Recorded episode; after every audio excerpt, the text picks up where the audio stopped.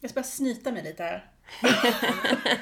jag kände bara att jag ville ta med dig. Vill du ha Nej, men gud, Näsdukar? var, var kommer det här ifrån? näsdukar? Det är för att det- du, det är för att du är pastor. Ja, hem, hembesök hos pastorn.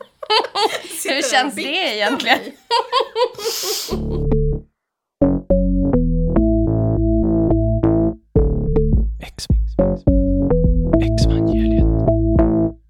Jesus lever. synd.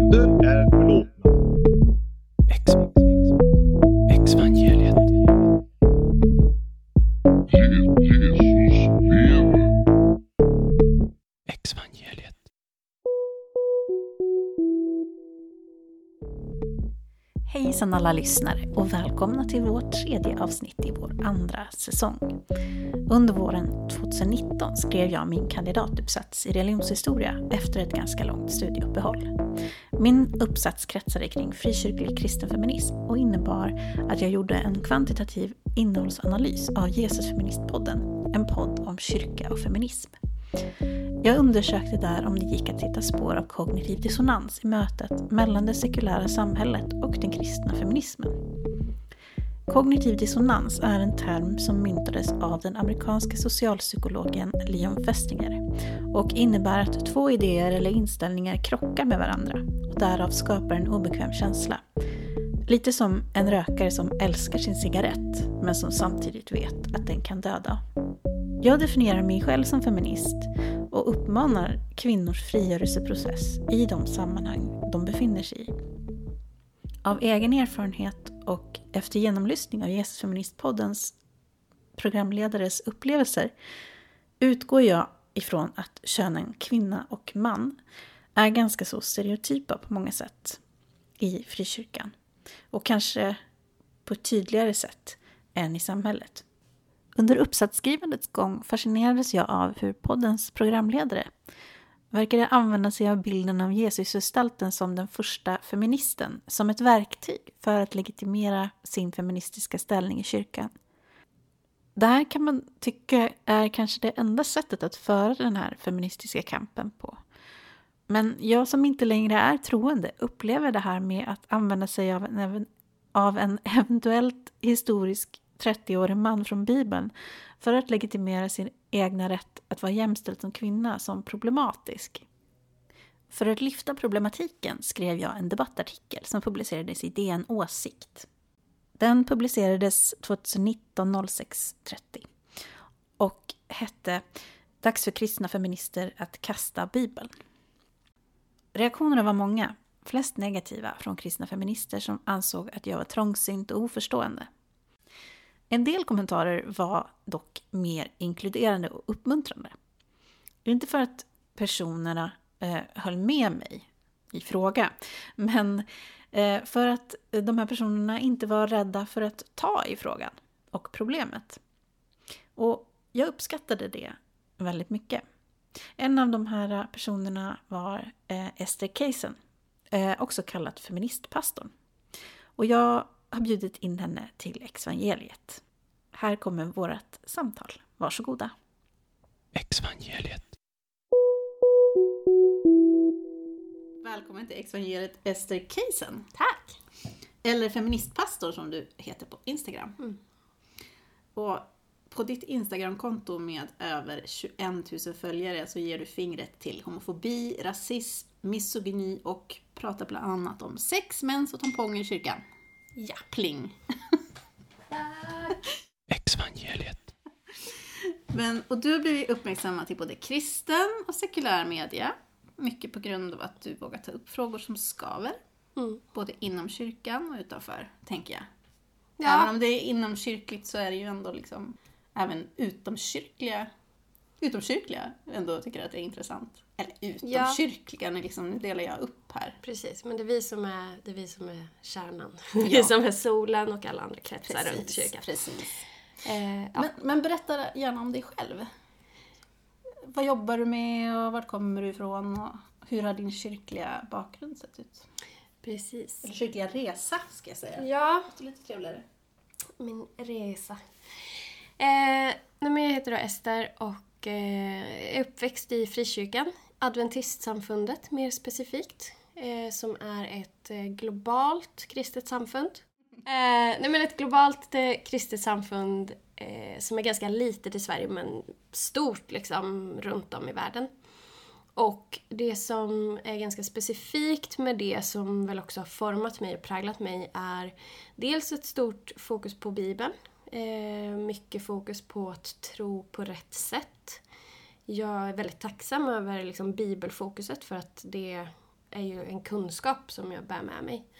Ehm, men sen har jag behövt bråka lite med de här självklara sanningarna. Och en sak som är ganska skavig då med Adventistsamfundet är just att, eh, och jag pluggade också till pastor i, i Adventistsamfundets skola eh, i England, ett universitet. Och jag hade kunnat jobba som pastor eh, och vara kvinna och allt det där. Eh, men hade inte kunnat bli ordinerad. Alltså motsvarande prästvigd. Eh, så. så jag hade kunnat jobba men det finns en liten liksom, nyansskillnad. Eh, och just det där att det är en sån nyans, det är liksom bara en formalitet som saknas gör ju kanske att man tänker att det inte riktigt är ett problem. Mm. Medans det ju säger väldigt mycket om människosyn och så. Ehm, så det där är ju en av de sakerna som jag har liksom brottats med. Mm. Eh, och såklart att det är en eh, ganska smal eller ganska konservativ eh, tolkning vad gäller sexualitet.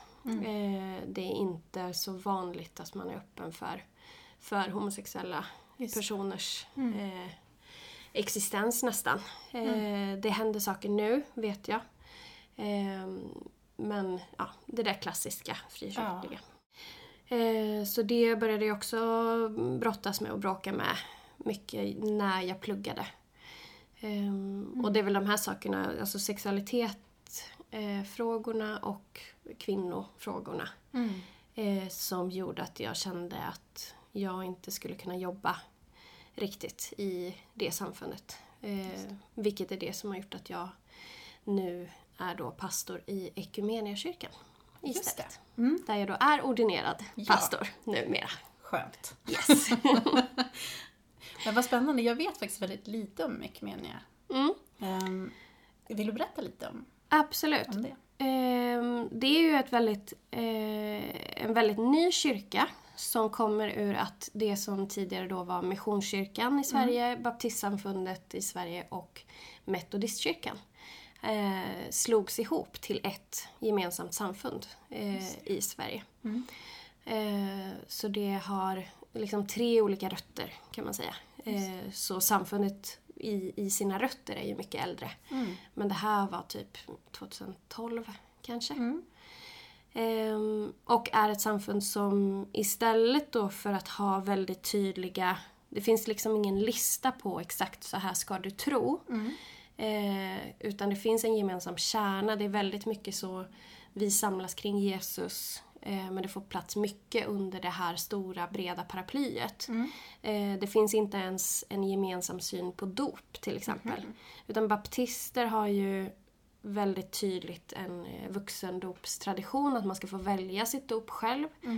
Eh, medans eh, Missionskyrkan då har haft eh, barndop eh, som Svenska kyrkan. Och eh, i Equmeniakyrkan idag då så finns alltså dubbel eh, dopsyn. Att du, ja, det funkar på olika sätt. Eh, och väldigt mycket fokus är på att församlingar själva formar och väljer hur den kristna tron ska ta sig uttryck eh, i den lokala församlingen. Och där kan det ju absolut, i lokala församlingar kan det ju absolut finnas församlingar då som är väldigt mycket just så här vi ska tro exakt så här. Ehm, men det finns också mycket öppnare församlingar än vad jag till exempel är van från, från min barndom. Just det. Ehm, även om min, min barndomsförsamling var mycket öppnare än många andra i det samfundet. Ja, men vad intressant, för jag kan Ja. ändå tänka mig att det skulle kunna komma lite kritik från sådana som ändå tänker och tycker att dopet till exempel måste vara vuxendop till exempel. Mm. Alltså, det tänker jag kanske är vanligare än att man bara vill ha barndop. Liksom. Ja, För det var ju i min, min församling så tror jag att det sågs nog som det enda Mm. rätta dopet liksom egentligen. Att, Mm. att man fattade det egna beslutet och så. Och så är jag också uppväxt Mm. själv. Ehm, absolut, och det är ju en väldigt känslig fråga hos oss kristna. Hur, Ja, hur ska vi praktisera Mm. dopet? Och vi har ju många sådana frågor som blir ehm, Ja, men som blir, jag blir så Göteborgs humor nu, men att det blir sådana vattendelare. Mm. Eh, att ehm, ja, men, olika frågor är olika viktiga för olika personer. Mm. Och det blir väldigt tydliga argument för och emot. Mm. Och det är det här som då och då liksom splittrar kyrkan. Det är det här som gör att vi har olika samfund, att vi har hittat olika svar. Mm. Och då blir det ju väldigt relevant att, att fundera över vad, vad är det allt står och faller på? Mm. Vad måste vi vara överens om för att det ska vara samma kristna tro? Och vad, vad håller den kristna tron för, för typ av olikheter? Mm. Och det är ju där det kanske då bränner till för mig i då de feministiska frågorna och frågorna om hbtq-personers eh, rättigheter. Mm. Att både ha någon typ av respekt för att kristna kan tänka annorlunda än vad jag gör. Mm. Ehm, men samtidigt med att jag vet hur mycket det skadar människor Ja. med väldigt konservativa eller smala eh, teologiska åsikter. Mm. Exvangeliet. Nu när vi ändå är inne på, på det. Jag har ju en liten, hittade ju igår när jag var ute och googlade på dig. Mm. I Världen idag den 7 december. Mm. Så stod det om feminist, pastor i blåsväder ifrågasätter jungfrufödsel. Ja. Eh, och det var ju jättespännande tyckte jag. För det tänker jag är en sån ganska, det är ganska, det är en väldigt intressant vinkel. Och jag får själv såna här liksom backlashes till liksom så här, alltså hur jag skulle ha reagerat på en sån, eh, ett sånt uttalande när jag var eh, med i kyrkan. Och när jag var troende också. Därför att det var så otroligt viktigt med med just det här äh, miraklet som var mm, jungf- alltså just att, att Maria blev havande utan att ha haft sex. Precis. Och då fick du ju lite mothugg där. Men, men jag ska säga här, nu ska vi se. Men du menar då alltså att julberättelsen skulle kunna vara ännu större om, om det inte vore så? Att det vore... Alltså, utveckla. Eh, nej men det här var ju, det här var ju förra året. Ja. Och eh, nej men jag eh, funderade lite på, för jag märker det med mig själv nu när jag har liksom bytt samfund och bytt, bytt kristna kretsar och eh, har upptäckt att kyrkan är mycket liksom, eh, bredare än vad jag eh, kanske vågade tro för 15 år sedan. Så då började jag fundera på, jag undrar hur känslig den här frågan om Marias jungfrudom är i det stora hela. För jag hör jättemånga olika personer liksom formulera det här på olika sätt. Så då skrev jag en text där jag egentligen inte sa att det var på något särskilt sätt. Ja. Utan jag ställde frågor om vad händer med berättelsen. Ehm, för så här, jag tror att Gud klarar det mesta utan hjälp av en man. Jag tror inte Gud behöver en snubbe för att eh, skapa Jesus. eh, så det, Det var inte jag din poäng. Nej men så här, jag har inga problem att tro det. Ja. Ehm, men vad händer med berättelsen om Maria inte, om det inte var det här miraklet? Står och faller allting på att hon, att det var ett mirakel? Eh, vad händer om hon faktiskt blev våldtagen? Eh, hon var tonåring, hon var kanske 14 eller något sånt. Eh, om hon var en sån tonårsförälder som det ju finns mängder av i vår historia. Eh, och vad betyder det för alla de barn som har känt att de inte är värda att finnas eh, på grund av hur de blev till? Eh, nu känner ju inte alla så, hoppas jag. Nej. Men jag vet att det finns många eh, som, som bär den där känslan av att jag borde inte finnas för att jag blev till genom en våldtäkt. Vilken typ av upprättelse skulle det bli för dem om Jesus faktiskt var ett barn som blev till genom en våldtäkt på en tonåring? Ehm, Och att, att Gud använder den fruktansvärda situationen till någonting stort. Mm. Eller om hon faktiskt eh, var kär i någon, att hon bara hade sex för att hon ville det. Vad händer då med berättelsen? Eh, så jag ställde de frågorna och så tror jag till och med att jag avslutade inlägget med Jag vet inte om det här är en väldigt provocerande frågeställning. eh, eller om det här ens är Ja. intressant. Ja. Ehm, och det var nog många som också inte tyckte att det var provocerande eller inte tyckte att Ja, det var intressant. Precis, det där är så fascinerande tycker jag. Mm. När, när man liksom inser så här, oj, för vissa kan det här vara bara helt, nej. Mm. Alltså, inget provocerande alls. Men, men den här, var ju en person som svarade, och, teologen Gust, Stefan Gustafsson. Mm. Och han menade ju liksom att det här var, skulle vara ett gravt fall av historieförfalskning. Eftersom, Ja. eftersom han ser på Bibeln mer som en historisk berättelse med verkliga personer. Liksom. Mm. Och, och, och så kan man ju också se på det. Jag tycker ju att det är väldigt, känns väldigt spännande att just kunna få ställa frågor till texten. Precis. Alltså det, det känns ju för mig skulle ju vara en mycket, mycket mer mm, med en sån typ av tro som är mer eh, levande på det. Mer levande nu. Men för mig skulle det vara mer levande. Att Mm. kunna få ställa frågor och, och kanske koppla det till verkliga livet på ett annat sätt. Och sådär. Men ja, jag tycker det var modigt och spännande av dig att skriva den där. ja, men, Men du måste ju få rätt mycket kritik också. ja, Eller reaktioner på den ja, där typen av text. ja, absolut. Från olika håll.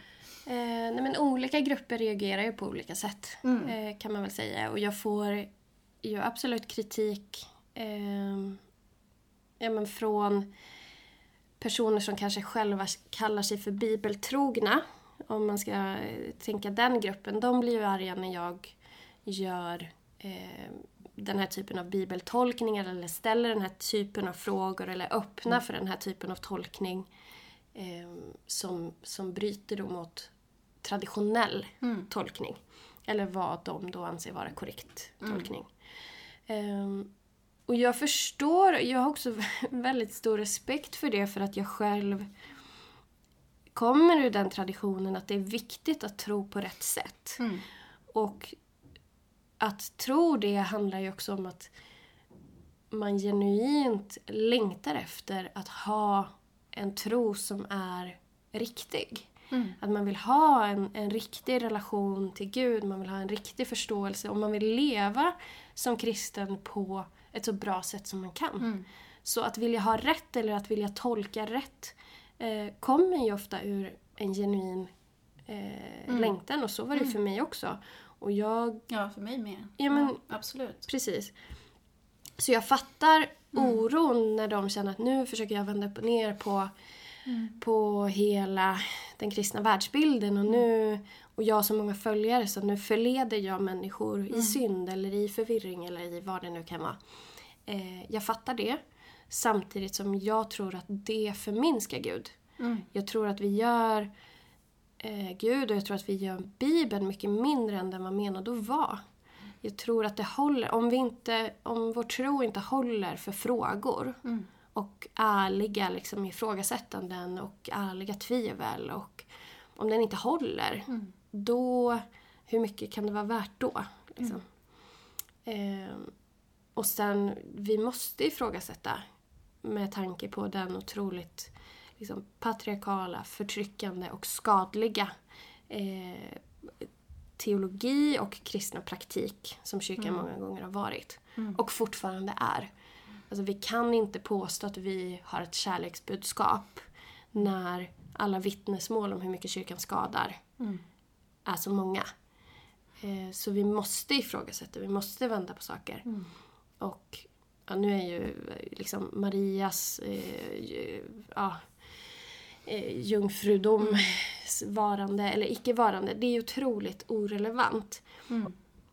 Men det är ju också, jag tänker att det är jätteviktigt att ifrågasätta det, inte för att eh, ifrågasätta ett mirakel, utan för allting som hon och hennes då så kallade renhet har fått symbolisera. Vad det har fått betyda för kvinnor och vilka krav det har ställt på oss och hela hora madonna-komplexet och allt det där som kommer med det. För det är inte poängen. Men jag tycker det är så intressant hur du... För jag, vi har pratat mycket i podden om det här internaliserat självhat. Mm. Eh, och jag, jag blir så nyfiken när du berättar det här. Kan du uppleva det? När du, för jag tänker just som du berättar att du kommer från en sån här tradi liksom tradition av kanske lite mer bibeltrogen Ja. tradition. Eh, det här att höra hela tiden i bakhuvudet också på något sätt att man kan förstå hur man tänker. Eller Mm. att höra liksom så här, ja men miraklet då? Mm. Eller, jag, jag- jag vet inte om du förstår vad jag menar men, men att känna som jag kan uppleva hela tiden, även nu innan jag har lämnat kyrkan, att, att jag kan få såna här eh, röster liksom bakifrån i tiden på något sätt. Nu känner jag att min fråga blir lite Ja, men jag har ett... rörig, men, men internaliserat självhat, Ja, go for it. Ja men alltså det du säger med röster i bakhuvudet. Jag Ja. har ju definitivt liksom som ett ständigt eh, kommentatorspår eh, i min eh, eh, i mitt huvud liksom. Eh, att jag hela tiden, varje gång jag skriver någonting eller säger någonting så hör jag i bakhuvudet. Vad är motargumentet mot det här?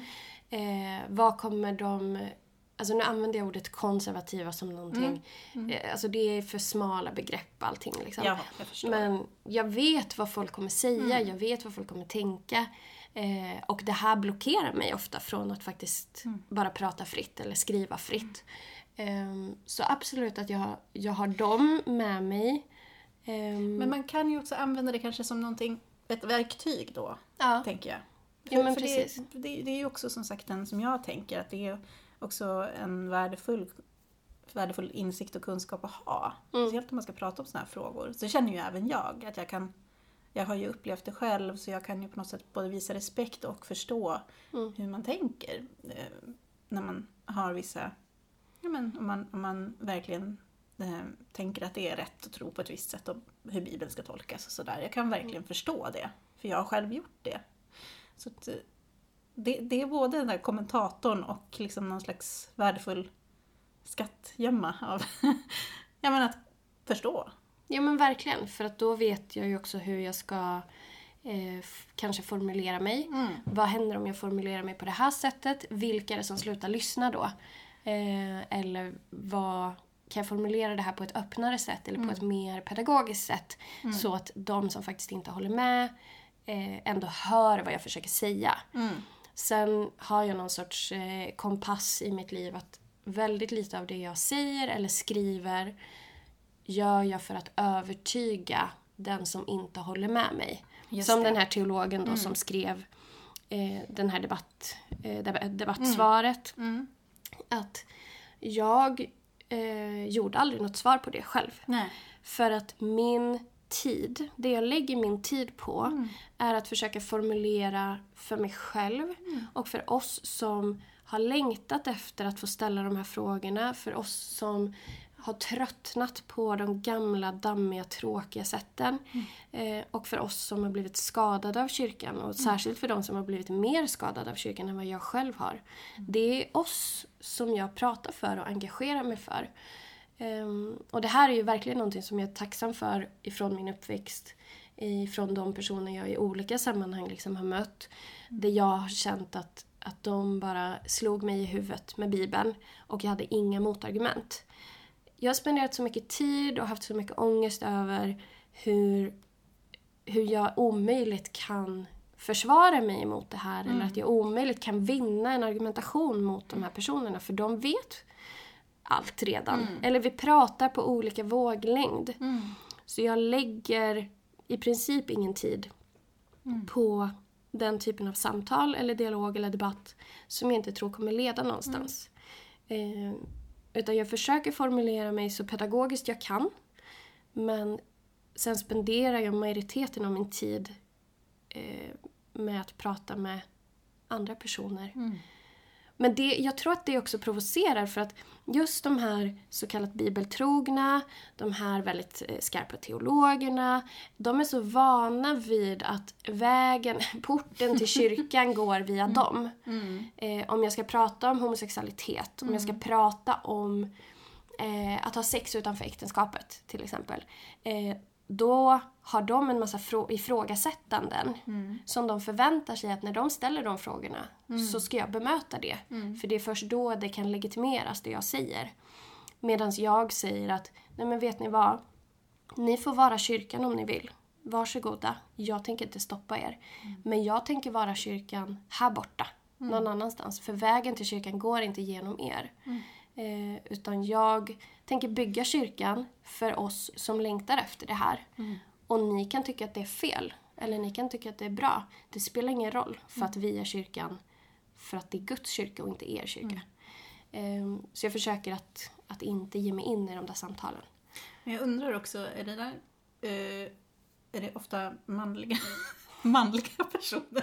Det- Jag, jag, tänker att det är någon den här debatt och argumentationsteknik och sånt där. Att det ofta Mm.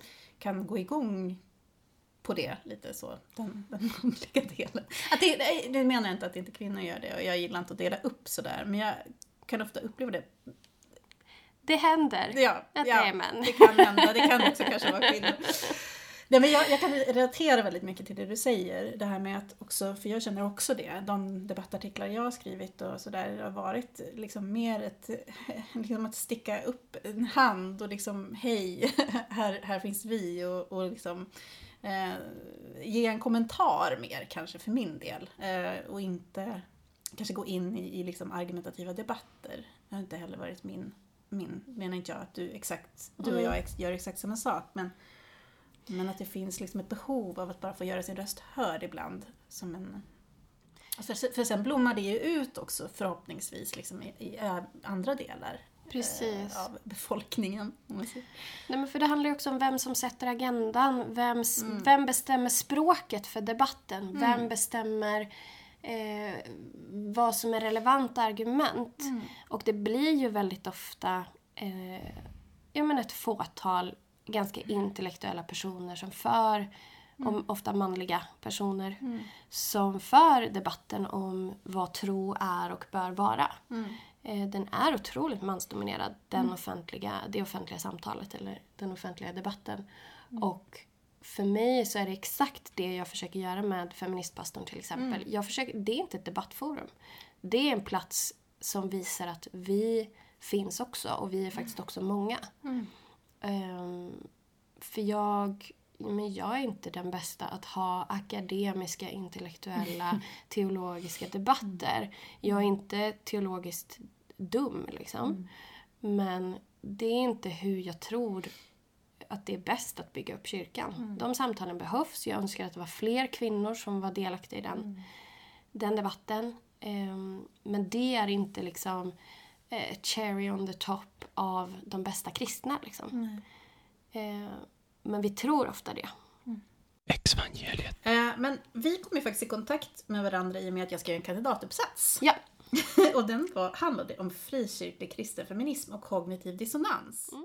Där um, lyssnade jag på Jesusfeministpodden eh, och eh, försökte hitta om, om den här, eh, det sekulära samhället möter kyrkan och där uppstår någon slags kristen feminism i en kognitiv dissonans, alltså att två idéer möts och det blir ett skav och ja, hur som helst. Vi ska inte gå in på min uppsats, men du var med och eh, gjorde ett litet bidrag där. Och då lärde vi känna varandra lite. Eh, och sen skrev jag en debattartikel också i DN som hette Dags för kristna feminister att kasta bibeln. Det var Ja. faktiskt inte jag som satte den rubriken, men det är ju inte så. så ofta en själv som sätter rubriken. Nej, det var inte det. Men den var väl kanske lite just den, det innehållet. Och du var en av de som responderade med öppna armar faktiskt, ändå, till mig. Eh, du var i alla fall inte dömande mot mig, utan jag, jag upple- det var så fint, för jag fick några sådana responser, liksom att vad bra att du tar upp det här och det är liksom viktiga frågor och sådär. För jag fick ju också väldigt mycket eh, med negativ kritik, vilket jag hade räknat med. Mm. Jag hade ju lite kritik då. Från mitt håll. Jag är ju, är ju, har ju varit en del av, av eh, eller ska säga så här. Ehm, jag som inte längre är troende har startat avhopparrörelser. har startat avhopparrörelsen. Eh, för mig, för min, min feminism är ju helt frikopplad på något sätt från eh, tro, alltså den religiösa tron. Mm.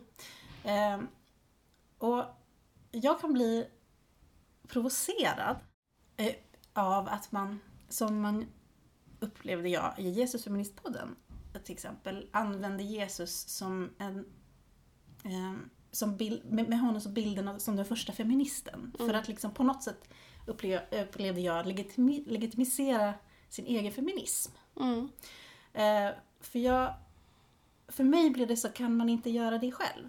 Eh, varför måste ni mm, använda den här 30-åriga mannen som eventuellt levde? Det gjorde han säkert då, många historiker som säger så. Men för att legitimera sig själv i, liksom, i vårt samhälle och i kyrkan. Sen förstår ju jag att man gör det på grund av att andra använder Bibeln åt andra hållet och säger att kvinnor ska inte göra det här och det här för det står i Bibeln. Så jag förstår ju den här bakgrunden. Men jag kände ändå så här. Jag vill kunna ha ett samtal med alla typer av feminister och det här är en grej som skaver för mig. Snälla låt oss prata om det här. Ja. Sen var det en debattartikel så jag var ju lite på. Eh, men det, det, det gjorde mig lite ont att jag blev kallad för trångsynt och så vidare. Sen förstår jag det också. Det var vissa som kallade mig för det. Jag förstår. Jag hoppas att inte jag gjorde det. Nej, det gjorde du absolut inte. men, men det är just där jag kunde känna nästan lite grann som att det blev liksom en liten grupp av eh, kristna feminister som liksom upplevde att de hade hittat den rätta tolkningen av Bibeln och den får man inte komma och kritisera. Nu förstår jag också att de redan är en utsatt grupp i sin grupp. så, så jag förstår alla de här delarna. Men jag kan också känna så här, åh, jag vill ändå prata om det här. Snälla, kan, vi, kan, vi, kan jag få ifrågasätta varför ni använder er av den här äh, figuren för att legitimisera er själva Ja. som kvinnor? För det, det är problematiskt för mig. Mm. Eh, ja, men det är klart att det är. ja. Eh, och jag tänker med din, din debattartikel, för jag höll ju inte med dig Nej, det gjorde du inte. Eh, men för mig är det livsviktigt att eh, vi religiösa ifrågasätts. Mm. Det är super, superviktigt. Inte minst då, jag menar absolut de eh, som faktiskt eh, ursäktar eller använder sin tro för att gå emot mänskliga rättigheter. De ska ju definitivt eh, ifrågasättas. Eh, men vi då som försöker eh, använda vår tro eller liksom kombinera vår tro och mänskliga rättigheter. För jag tänker att det är det det handlar om egentligen. Eh, vi behöver ju verkligen också ifrågasättas. Eh, och inte minst eftersom att, att kyrkan många gånger är en destruktiv plats. Mm. Den har potential att vara fantastisk, är det många gånger, men är också otroligt destruktiv eh, för många. Så när du säger liksom eh, kasta Bibeln och, och bli fria äntligen. Mm. Eh, det behöver sägas. För att vi säger inte det till oss själva. För att det öppnar dörrar som... Eh, eller det, det kanske, vi kanske säger det till oss själva också. Men, men vi har ju någonstans valt att vara kvar. Eh, förhålla oss till Bibeln. Eh, och du säger det här skulle hända om ni kastade den. Och då måste man tänka tanken, men vad skulle hända om jag kastade Bibeln? Eh, vad, vad skulle hända då? Eh, sen tänker jag att det här handlar väldigt mycket om kyrklig tillhörighet. För kristna, olika kristna har ju helt olika förhållningssätt till Bibeln. Eh, om det var så att frikyrkliga feminister använder Bibeln för att legitimera sin feminism men inte använder den till någonting annat, då vore det ju märkligt. Men hela, och nu är inte alla frikyrkliga eh, sam, alltså likadana, hashtag inte alla frikyrkliga. Ja. Eh, nej men det är ju ett, ett kristet förhållningssätt. Att jag vill basera mitt liv på min gudsrelation och på Bibeln. Det är ju en väldigt frikyrklig grej. Och då måste vi hitta argumenten för, men varför, vad tycker jag om migration, om hur mitt förhållande ska se ut, eh, om hur jag tänker kring pengar.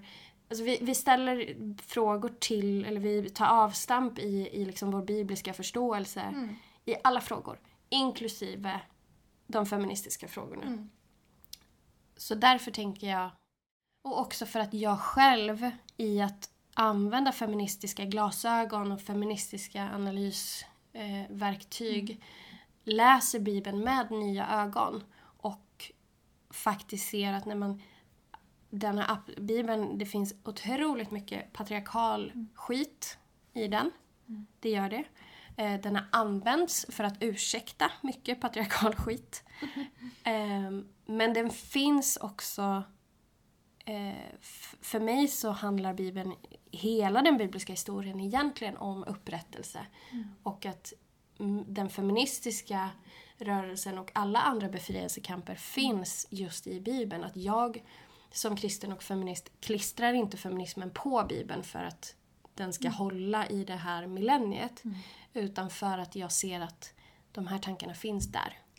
Jag hämtar min feminism ur Bibeln. Ja, det blev ett spretigt och långt svar här på din nej, fråga. Men jag, jag förstår verkligen vad du menar. Ja. Och det, som sagt, eh, det, det... Mm, Jag kan ju ställa mig lite det här med att mm, du uttrycker det med att man har valt att vara kvar ändå. Eller valt att Mm. tro på Bibeln. Det, det, för, för mig var det ju verkligen inte ett val. Liksom. Jag, jag hamnade, det handlar ju väldigt mycket också om övertygelse. Och jag förstår att alltså, är man övertygad om, om att Jesus är, är liksom verklig och, och man, det ligger så nära ens hjärta. Jag, jag förstår verkligen att, att det är någon som man vill ha med sig i den här liksom, resonemanget och, och kampen liksom och sådär. Det är verkligen något som jag kan relatera till själv. Jag tror att det är väldigt viktigt också att komma ihåg det att väldigt många som har lämnat, det handlar ju verkligen inte alltid om ett val. Det är ju väldigt nej. ofta en övertygelse som har ändrats. Mm. Eh, så min övertygelse har ju blivit något helt annat än vad det var förut. Och det är där jag hamnar mitt i det här, liksom att jag förstår er verkligen, eller er.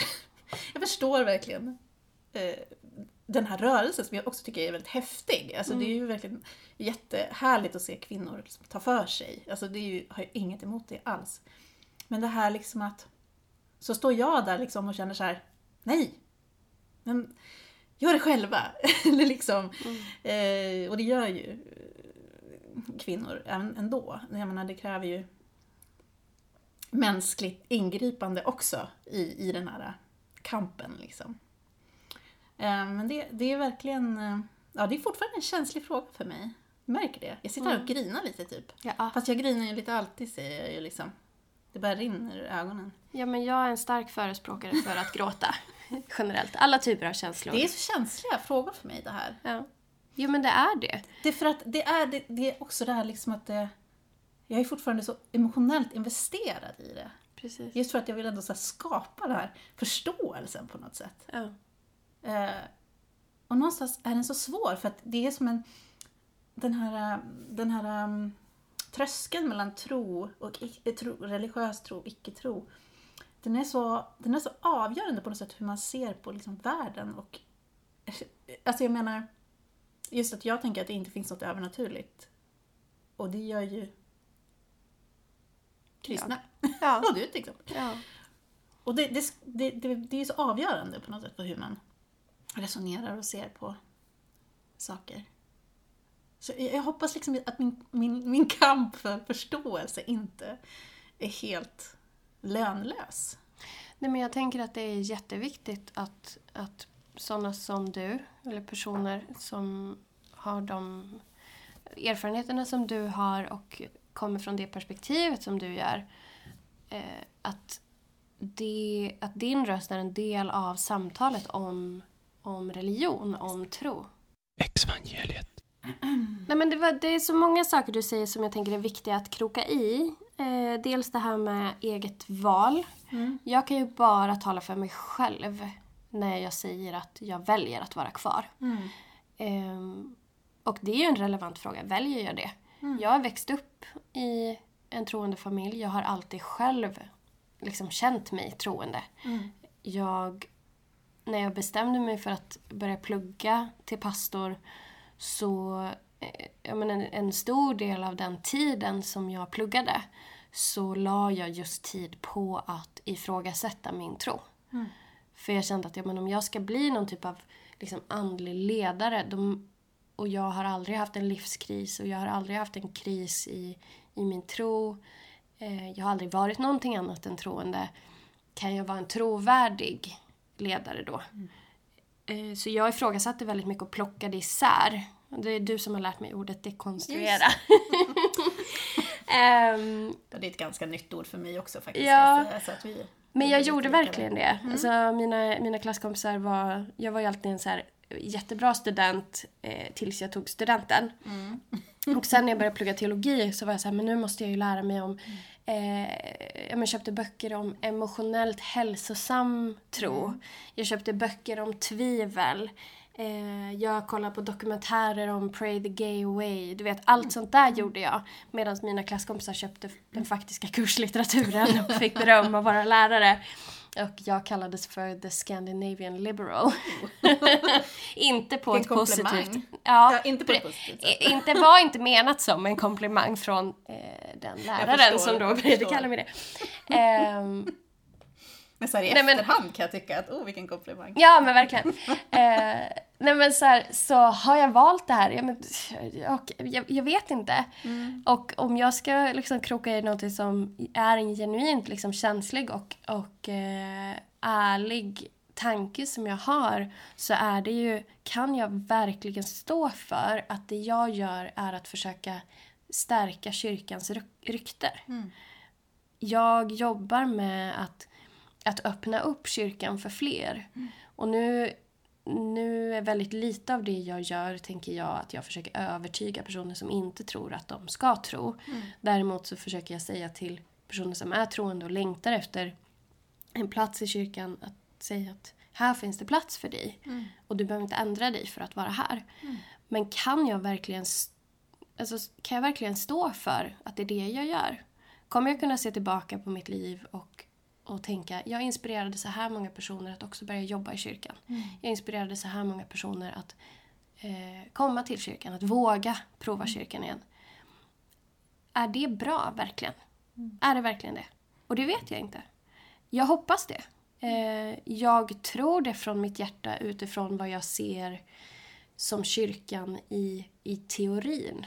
Alltså och min teologiska förståelse av vad kyrkan är.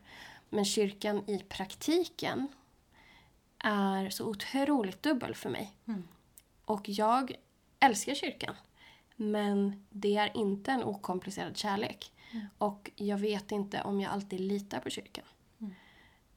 För att är den värd att alltid litas på? Det tycker jag inte. Så jag lever ju med de här eh, i det här skavet hela tiden. Så när du säger ja men kasta bibeln. Ja, det är så himla relevant. Vad hade hänt? Vad hade jag gjort om jag hade gjort det? Vad hade jag gjort om jag hade kastat bibeln och kastat kyrkan? Då hade jag ju fortfarande eh, jobbat för mänsklig värdighet och mänsklig upprättelse. För det är det jag brinner för. Jag vill någonstans, det enda jag vill är någonstans att, att eh, hjälpa människor att få blomstra. Utan att en massa saker står i vägen. Det är det jag försöker göra. Och nu råkar kyrkan vara min plattform. Men det är så viktigt att, att liksom bli ifrågasatt av personer som dig som säger jag har lämnat, jag mår faktiskt bättre utanför. Eh, tänker jag att du säger. Precis. Det la jag kanske på Ja, dig. nej, det, det skrev jag nog. Ja. jag också. Eh, och att lyssna på det och låta sig bli... Att, att inte bara säga ja, ja, så kan man ju tänka. Men att faktiskt på allvar ställa sig själv den frågan. Och att våga tvivla så pass mycket. Det är liksom mitt enda sätt att, att vara kvar. Jag kan, inte, jag kan inte vara trovärdig på ett annat sätt. Än att ta alla de där frågorna och alla de där tvivlen som jag själv har eh, på allvar. Och hittills så håller det. Hittills är jag kvar. Jag ser inga garantier för att det alltid kommer vara så. Eh, kanske också för att jag ser skillnad på, på Gud och organiserad religion. Ehm, och där organiserad religion både är någonting fantastiskt. Ofta är de som står upp för samhällets mest utsatta, finns i, liksom i hela sin existens, finns för att göra någonting bra i den här världen. Men där har jag en fråga. För jag Ja. tänker liksom att jag skulle också kunna tycka att det borde finnas mer bara liksom sekulära sådana instanser också. Ja. Då tänker jag liksom att kyrkan har ju ändå haft en form av försprång där. Ja. Eh, jag menar att det är inte så konstigt att också kyrkan har blivit en sån plattform för just eh, liksom, humanitära insatser. Eller vad Nej, man ska precis. säga.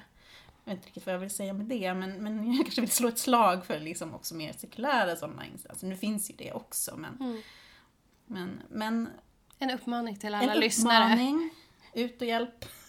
Ja men verkligen. Nej men det kan jag ju också känna, för jag känner mig ju alltså också, jag vill ju liksom också eh, upp, upprätta, upprätta människor. Nej men jag vill, jag vill också hjälpa och liksom få folk att blomstra och sådär. Det, är det är ju en stark liksom, drivkraft hos mig också. Precis. Så det är ju ingenting som försvinner i och med att min tro på Gud har försvunnit. Utan Nej. den är ju liksom, snarare blomstrat ännu mer, tror jag. Jag menar, Eh, kyrkan har ju inte äganderätt på att vara snäll. Nej men, men nej precis. Men Verkligen ibland inte. Jag kan jag ju uppleva att, att jag, men det är nog också den här bilden av, av, av avhopparen som jag har i mitt bakhuvud. Liksom, Mm. att, att man får den påklistrad på sig, liksom, att man är ond eller man är liksom någonting som inte är bra. Helt enkelt. Men det där kanske kommer också ur, ur en, en viss liksom kristen eh, kultur att, kyrk, att allting utanför kyrkan är lite farligt. Absolut. Eh, att man verkligen polariserar, att allt som händer här, innanför de här Ja. väggarna, det här är hemma, det här är safe. Mm. Allting annat är lite farligt och lite skadligt och lite syndigt och så. Ja, mycket Ja. skadligt. Ja, men ja, ja. ja men precis, jo men jag kommer ju ifrån, alltså jag skulle, jag upplever att jag, jag har en ganska sån stark sån Ja. eh, tanke liksom med mig. Inte kanske från, som sagt, inte från, inte från min, mitt hem, men just från kyrkan, liksom mina församlingar som jag har varit med i. Mm, och mycket från en själv också, det är ju så mycket hur man själv, liksom, ehm, vad man själv skapar för bild eh, med, med alla samlade erfarenheter man har. Man säger. Precis. Ehm, ja, Exvangeliet. Eh, nej, men det här skavet i alla fall, det är ju, det är ju en av, av eh, anledningarna till att jag känner att, att vi kan sitta och ha ett sånt där pass öppet samtal. Just att du, du är så öppen med det här skavet. Och Mm. det tycker jag är väldigt uppfriskande och ehm, häftigt. För att det är nog någonting som jag inte har upplevt att jag har kunnat vara när jag var troende. Att kunna liksom, få komma så nära eh, liksom, det här eh, tvivlet och ifrågasättandet. Och, eh, för mig blev det liksom ett avbrott. Det fanns liksom in- inget annat alternativ. Mm. Och där tänker jag att, jag vill säga så här, att lämna tron, att, att ha det brytet, det är liksom på ett sätt inte någonting som jag önskar någon. Alltså det, det är jättejobbigt. Och det är, eh, jag önskar ju egentligen, kan jag tänka så här, det vore mildare att liksom fortfarande ha kvar en tro, men bara att, att liksom vara, våga få vara ärlig i, i det man möter liksom i, i vardagen och med människor och kunna vara så pass öppen med det här skavet som man, som man, som man kan vara. Som jag upplever att du är. Det tycker jag är väldigt fint. Eh, Men jag blir ju också, alltså när jag säger de här sakerna offentligt, som nu, eller skriver om det. Jag, på tal om den här liksom rösten i bakhuvudet. Det är ju klart att jag, jag blir ju nervös också av att säga de här sakerna högt. För att jag vet hur mycket det kan ifrågasättas. Och jag vet hur viktigt att tvivel ses som en fiende många gånger. Medan jag tänker att det ofta är så att tro och tvivel verkligen går hand i hand. Och om man inte vågar vara ärlig med tvivlen och frågorna man har så blir det aldrig heller en riktigt ärlig tro. Ehm, men jag vet också att vi är... Jag, jag tror att vi alla troende bär tvivel och bär frågor och, och brottas med vår tro. Det finns ju till och med eh, bibliska eh, berättelsen om vad heter han då? Jakob som sen fick namnet Israel. Som då nationen Israel sen eh, bygger på. Men det namnet, han fick ett nytt namn för att han brottades med Gud. Och, och Israel betyder den som brottas med Gud. Mm. Eh, om inte jag har helt, helt, helt fel nu. Eh, men att det är det det är att ha en relation med Gud. Ja, precis. Den där relationen, Ja. tror jag. Alltså för att den relationen som jag upplevde att jag hade, jag tänkte ju att den var väldigt kärleksfull. Alltså jag hade ju en sån enorm kärlek till Jesus och jag kände mig ju verkligen älskad.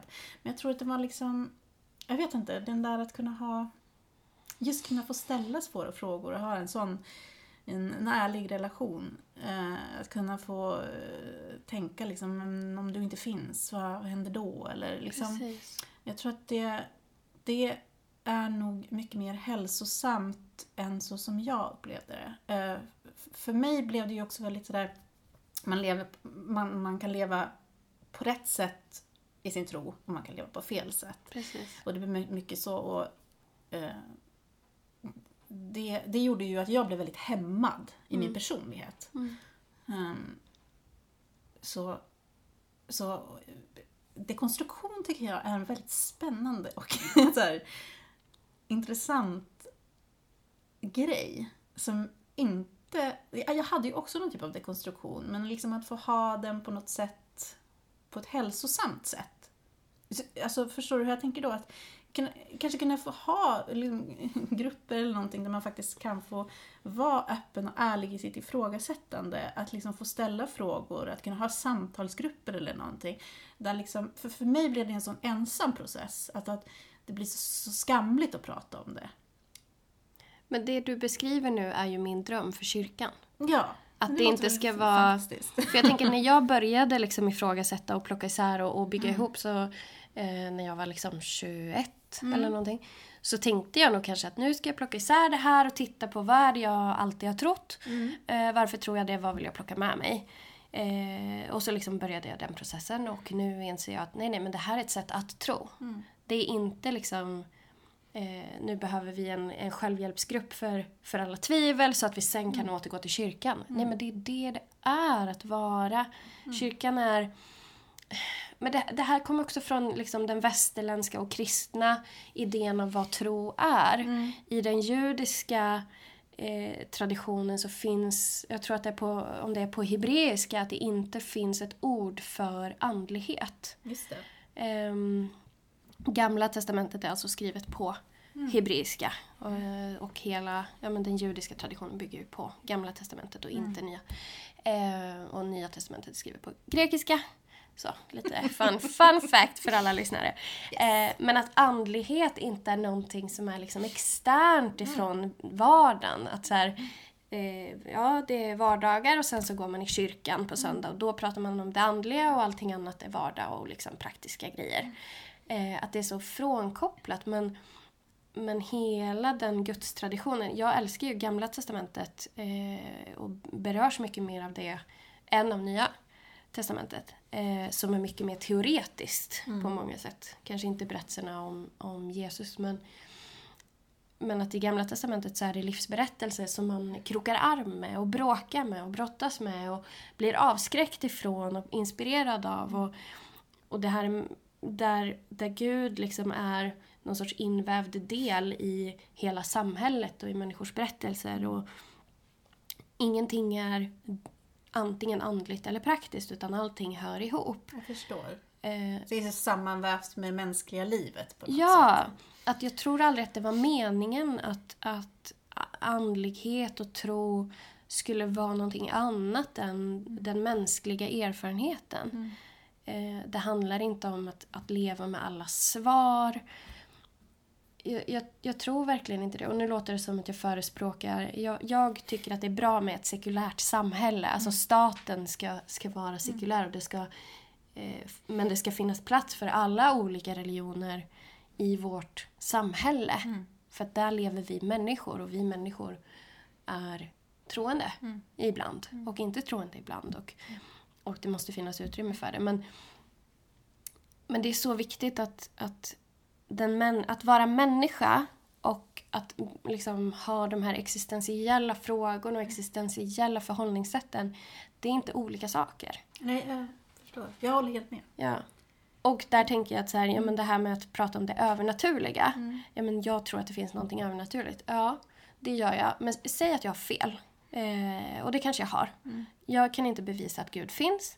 Eh, och jag, absolut, jag har ju min gudsbild som jag lever med och, Mm. och så. Men, men den är ju antagligen alldeles för liten. Mm. Liksom, Gud är antagligen någonting mycket större eller helt annat. Jag, Vad vet vi? Ja, men vad vet vi? Eh, men...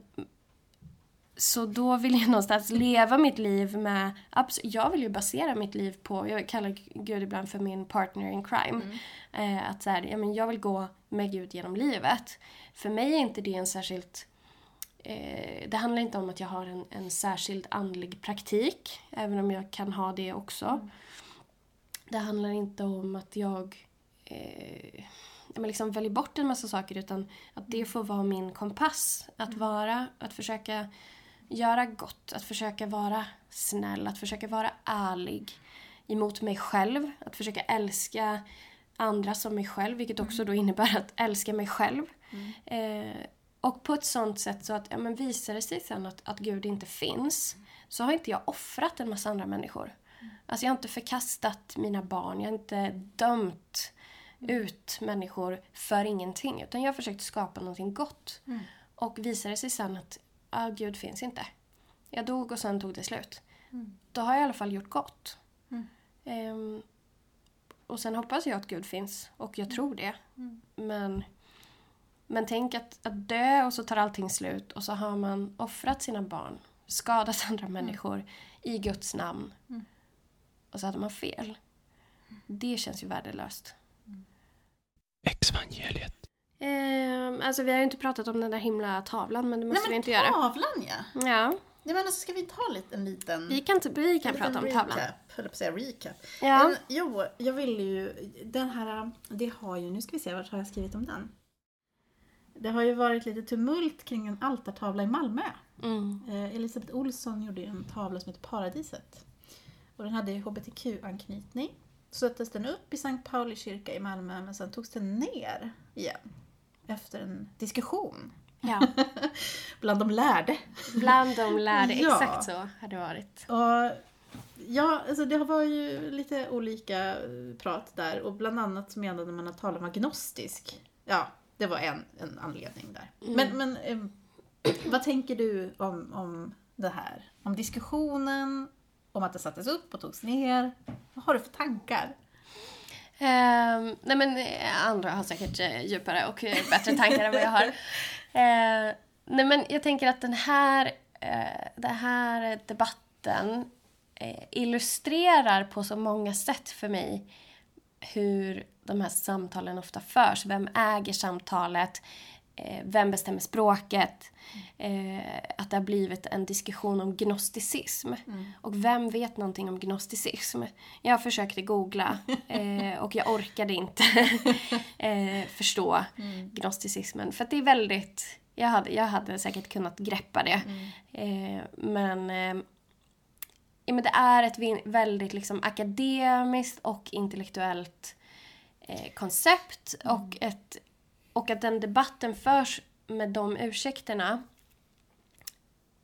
tänker jag gör att, att ehm, ja, men man intellektualiserar och akademiserar ett samtal om vad kyrkan ska vara.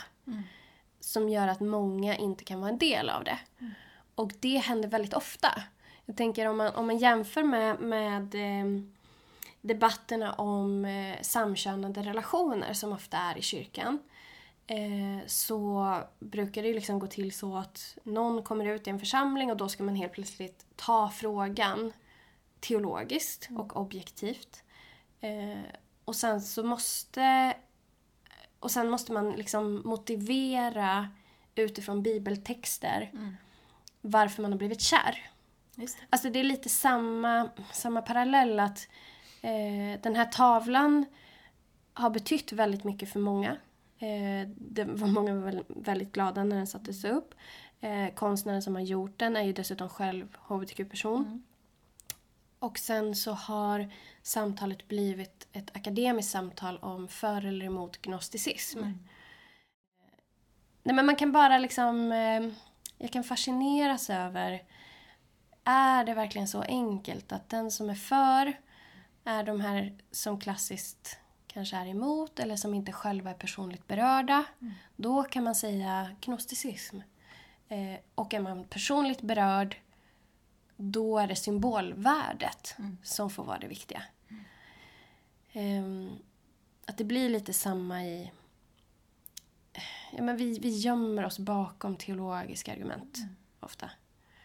Ehm, ja. En annan, en annan vinkel, tänker jag, är ju den konstnärliga vinkeln. Mm. Alltså, jag tänker, det är ju ett konstverk. Ja. Jag som själv håller på med konst. Ja. Tänker liksom, alltså, jag vet inte om jag har faktiskt eh, läst eh, någonstans om vad hon ville säga med det här. Men för jag, för jag har förstått så är det den här orm, eh, att det ormen varför skulle det, skulle det vara gnostiskt? Att, det är att, att ormen inte eh, på ett klassiskt sätt uppvisas som den onde gestalten. Mm, Utan är som en transperson. precis. Och inte då ses som en absolut ond gestalt utan mer som någon slags intellektuell, eh, liksom en djupare liksom, på något sätt, gestalt än bara den onda.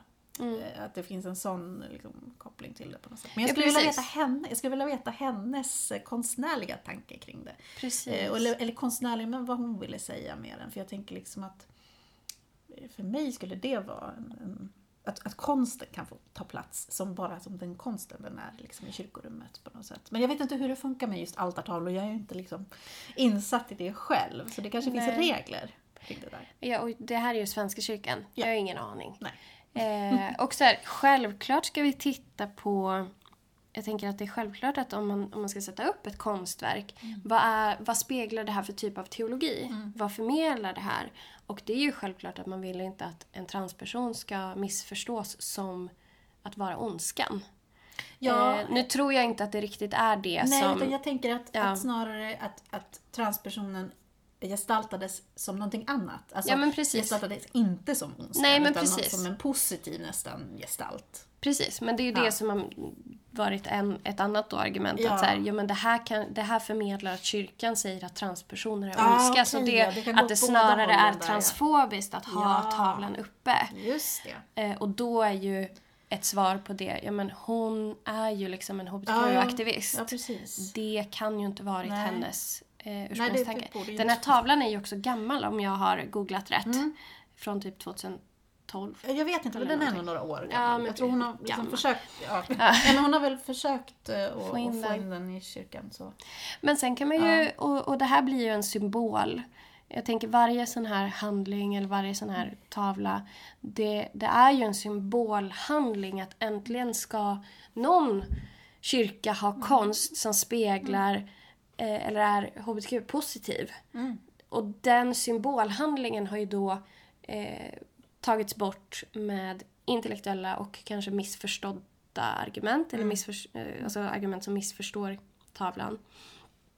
Men om man, om man då lyfter eh, det bredare samtalet, vilken konst vill vi ha i kyrkorummen? Eh, det finns ju mängder av konst i kyrkorna som är som vi inte heller kan stå för. Säg att tavlan då är gnostisk och att den kan vara problematisk gällande hur transpersoner eh, liksom så. Eh, säg att det är relevant. Ja, men då ska vi titta på all konst i kyrkorna. Vad gör vi med all den liksom, antisemitiska konsten? Det var väl jättebråk för ett tag sedan när det målades över. Och då skriker man istället kulturarv. Eh, och må så vara, men vilka saker låt, försvarar vi och vill ha kvar? Vilka saker plockar vi bort? Eh, men och vem vem- bestämmer det? Exakt, jag tänker det. Vem har den beslutsrätten liksom Ja. egentligen?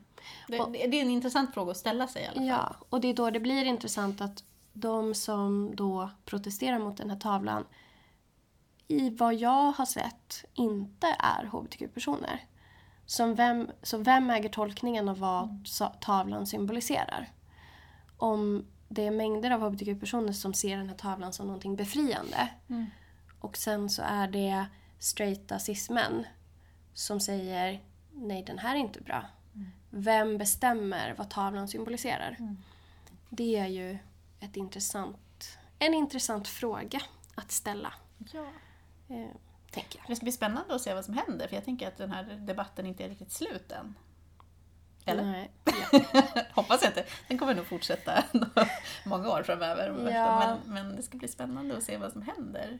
Ja, men det är ju en symbolfråga i den bredare frågan om, Mm. eh, om sexualitet och eh, relationer i kyrkan. Visst. Och även då i Svenska kyrkan som är den kanske mest progressiva, Eh, på sina håll i alla fall, har ju också en väldigt lång väg att gå. Mm. Eh, så, ja, Mm. Följer med spänning. verkligen. Men tack så jätte, jätte, jättemycket för att du pratade med mig. Tack att du ville prata med mig. Ja, det var så lite så. Det var ett nöje. Ja, men detsamma. Tack för idag och tipsa gärna andra om podden. Du hittar oss även på Facebook och Instagram och hör av dig om du har tankar, frågor eller åsikter. Till nästa gång, våga lyssna på människor som inte har samma livsåskådning som dig själv. Kanske kan du lära dig någonting. Och Exvangeliet är de glada nyheterna för dig som lämnat tron. Hej då! Exvangeliet.